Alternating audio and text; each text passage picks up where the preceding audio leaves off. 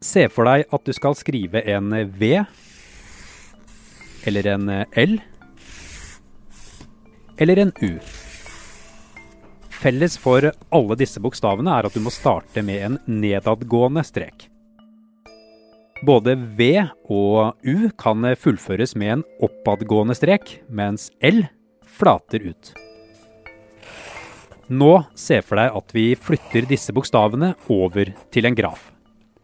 Disse figurene er nemlig tre mulige frempek på hvordan økonomien i verden vil se ut etter koronakrisen.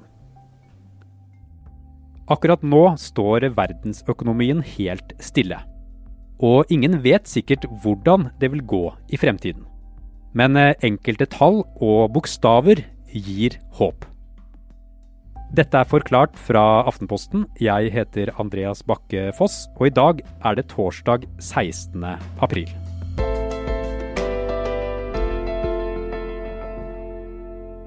Det som er helt slående ved denne økonomiske krisen, er hvor ekstremt raskt og hvor ekstremt bratt den er. Øystein Langberg er Aftenpostens USA-korrespondent, og i den jobben følger han også verdensøkonomien. Normalt så kommer sånne økonomiske tilbakeslag gradvis. Altså farten i den økonomiske veksten går sakte, men sikkert nedover, mens ledigheten sakte, men sikkert går opp måned etter måned. Men denne gangen så har det stoppet opp over natten. Altså det er som å løpe rett inn i en vegg i full fart. Har du noen eh, eksempler på hva som skjedde? Ja, hvis man f.eks. ser på statistikk over søknader om arbeidsledighet i USA, så kan man se den dynamikken veldig godt. Eh, den gamle rekorden fra før koronakrisen er fra oktober i 1982. Og da var det 695 000 personer som søkte om arbeidsledighet på én uke. Eh, og den nye rekorden er på 6,6 millioner søknader på en uke. Så disse nye rekordene vi ser nå, får alle tidligere kriser, til og med finanskrisen i 2008, som var en stor krise, de får de til å se ut som bare sånne små krusninger på vannet. Alle vet at verden opp gjennom historien har gått gjennom mange økonomiske kriser. I 1930-årene kom det som omtales som den store depresjonen, da var det omfattende økonomiske nedgangstider i mange av verdens mektigste land. Men det er jo ikke mange av oss som levde på 1930-tallet. I dag er fem europeiske banker enten overtatt av staten eller gitt akutt krisehjelp. Vi husker kanskje bedre finanskrisen i 2008, altså for tolv år siden. Bølgene fra finansuroen slo i dag innover Europa med full tyngde. Men det er noe som gjør denne krisen vi står i nå, helt unik. Nei, Det som gjør denne krisen helt spesiell, er jo at den på sett og vis er ønsket i hermetegn. Eh, det er vi som samfunn som har tatt et bevisst valg om å slå av den økonomiske motoren i en periode, fordi det er den eneste måten å få bukt med smitten på. Uh, og det har skapt en historisk brå nedtur. Og så gjenstår å se hvor lang denne nedturen blir, og hvor lett det er å få økonomien i gang igjen når vi ønsker det. Ja, hvilke virkemidler er det land i verden nå bruker for å motvirke denne kraftige nedgangen? Altså, Krisepakkene handler jo egentlig ikke om å holde hjulene i gang eh, i denne krisen. Eh, for på mange måter så ønsket vi jo at hjulene skulle stoppe. Eh, men det handler om å sørge for at bedrifter og personer holder seg flytende mens alt er stengt. Og så handler det om å sikre at økonomien kan komme i gang igjen så fort som mulig etter at eh, krisen er over.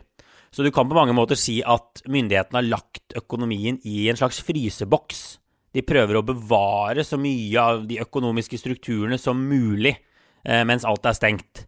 Og Norge og Danmark har kanskje gått lengst, hvis man skal bruke denne fryseboksmetaforen. For her har jo regjeringen bestemt seg for å kompensere bedriftene direkte for tapt omsetning.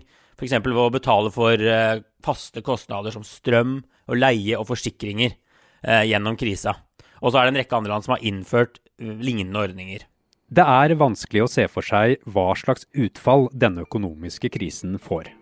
Men det finnes noen scenarioer vi kan se til.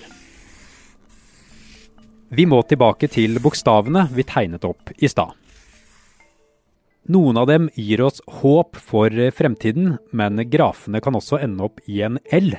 Eller i aller verste fall så får vi en I som bare går nedover. Vi er straks tilbake.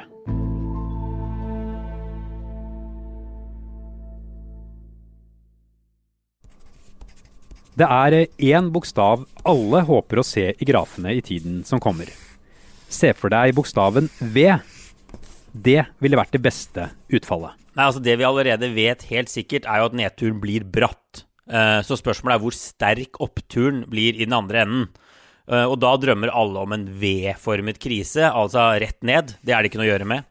Og så rett opp igjen. Det er målet å få til.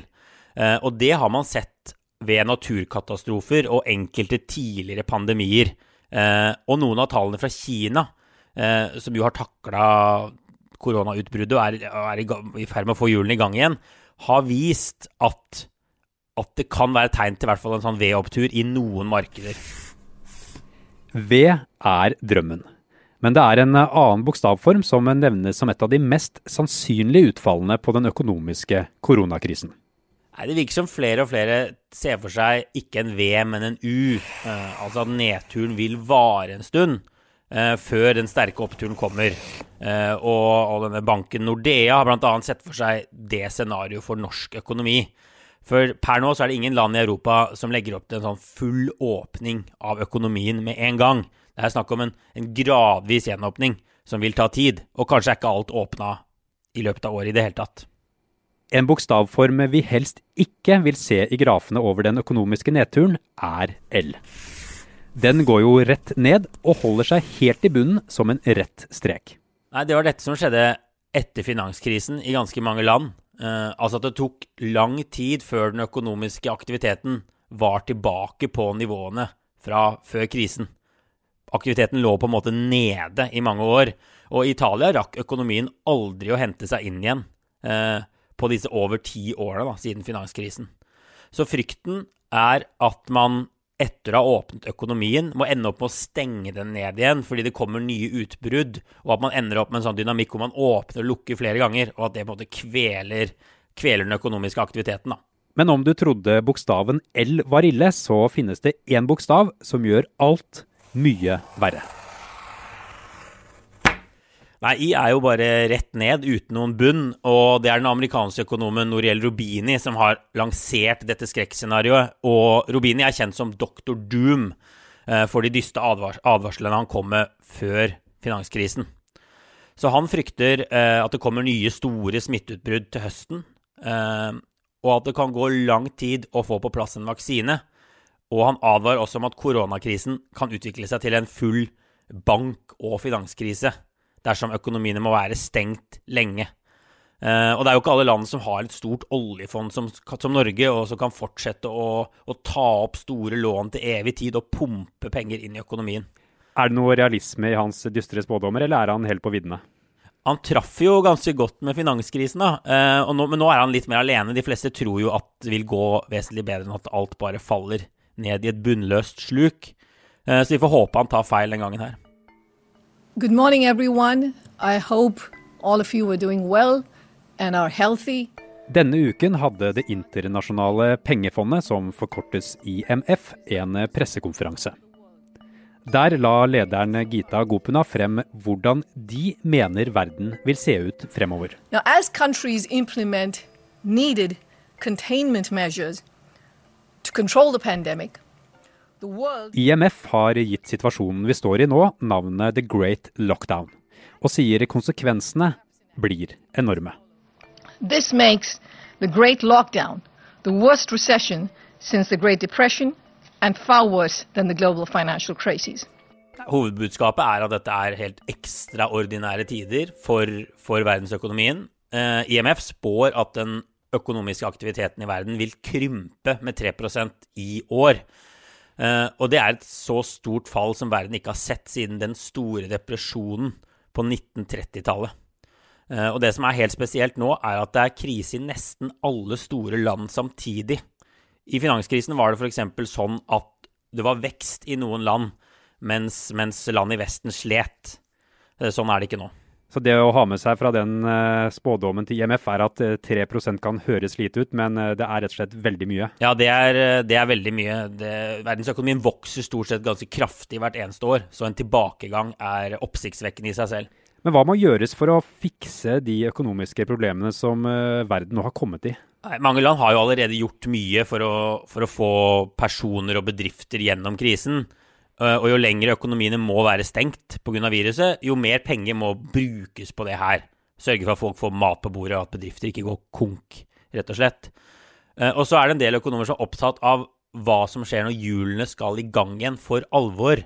Eh, og det finnes dem som mener at en del land, særlig Europa, satser på bremsene altfor tidlig etter finanskrisen og at det bidro til å forlenge nedturen, eller, eller forsinke oppturen, da. Uh, og de mener at f.eks. at sentralbankene må binde seg til å holde rentene lave lenge, og at politikerne må komme opp med nye, store krisepakker for å sørge at oppturen blir så rask som mulig når, når alt skal slippes løs. Uh, og da går det an å se for seg f.eks. store infrastrukturutbygginger. Uh, og det er noen som ønsker seg sånne direkteoverføringer av penger til alle innbyggerne for å sørge for at de løper ut og handler uh, når de har sjansen. En siste utfordring ligger jo litt i navnet verdensøkonomien, med eksport, import, handel og salg. For alt henger jo sammen, og foreløpig er det vanskelig å se hvilke konsekvenser dette vil få for oss som et land, eller for deg og meg.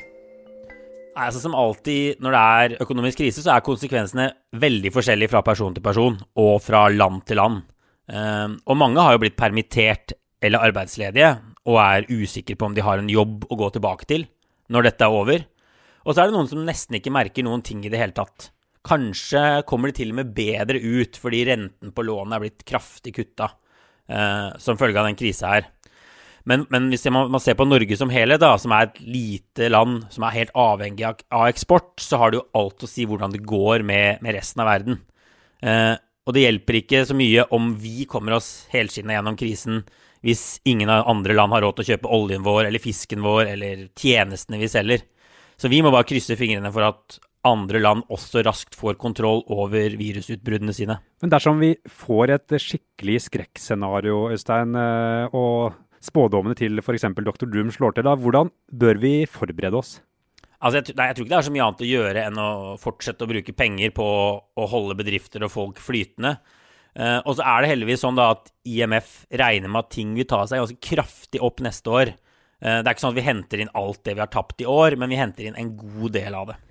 Mange er jo opptatt av uh, hva som vil vente i den andre enden av denne situasjonen. Hva tror du koronakrisen kan gjøre med forbruket vårt når ting blir normalt igjen? Ja, det er et stort og vanskelig spørsmål. Nå ligger jo økonomien i fryseboksen, som vi har sagt. Og det er ingen som helt vet hvordan den vil se ut når vi tiner den igjen. Det er, som, det er ikke sikkert vi trenger akkurat de samme bedriftene og arbeidsplassene som før på den andre siden. Uh, og Vi kan jo ta noen eksempler. Vi vet jo f.eks. At, at mange selskaper har investert i topp moderne videokonferanseutstyr, og at de nå har fått testa det grundig. Og det kan være dårlig nytt for flybransjen. Uh, og kanskje vil det særlig gå utover sånn den type dagsturer der man flyr ut på morgenen for et møte, og så hjem på kvelden. Og man kan også se for seg at undervisning på nett får en opptur, kanskje særlig i USA. Der er det jo veldig dyrt å ta vanlig, tradisjonell høyere utdanning. Eh, og så snakkes en del om at kan, dette, altså denne krisen kan gi et løft for e-helse. Altså f.eks. at man kan gjøre legekonsultasjoner via videolink legekontoret jeg har i USA, har for første gang gjort dette i ganske stor skala. Eh, og det å slippe å sette av flere timer til å dra og møte legen, har iallfall spart meg for ganske mye tid. Så kanskje er det noe verden vil gjøre mer av i fremtiden. Men jeg tror det er viktig å huske på at mennesker er sosiale vesener. Eh, så ganske mye vil helt sikkert bli som før igjen. Og det er jo noe annet å møte folk ansikt til ansikt enn på en videoskjerm. Selv om det kanskje er et hakk mer effektivt, det siste.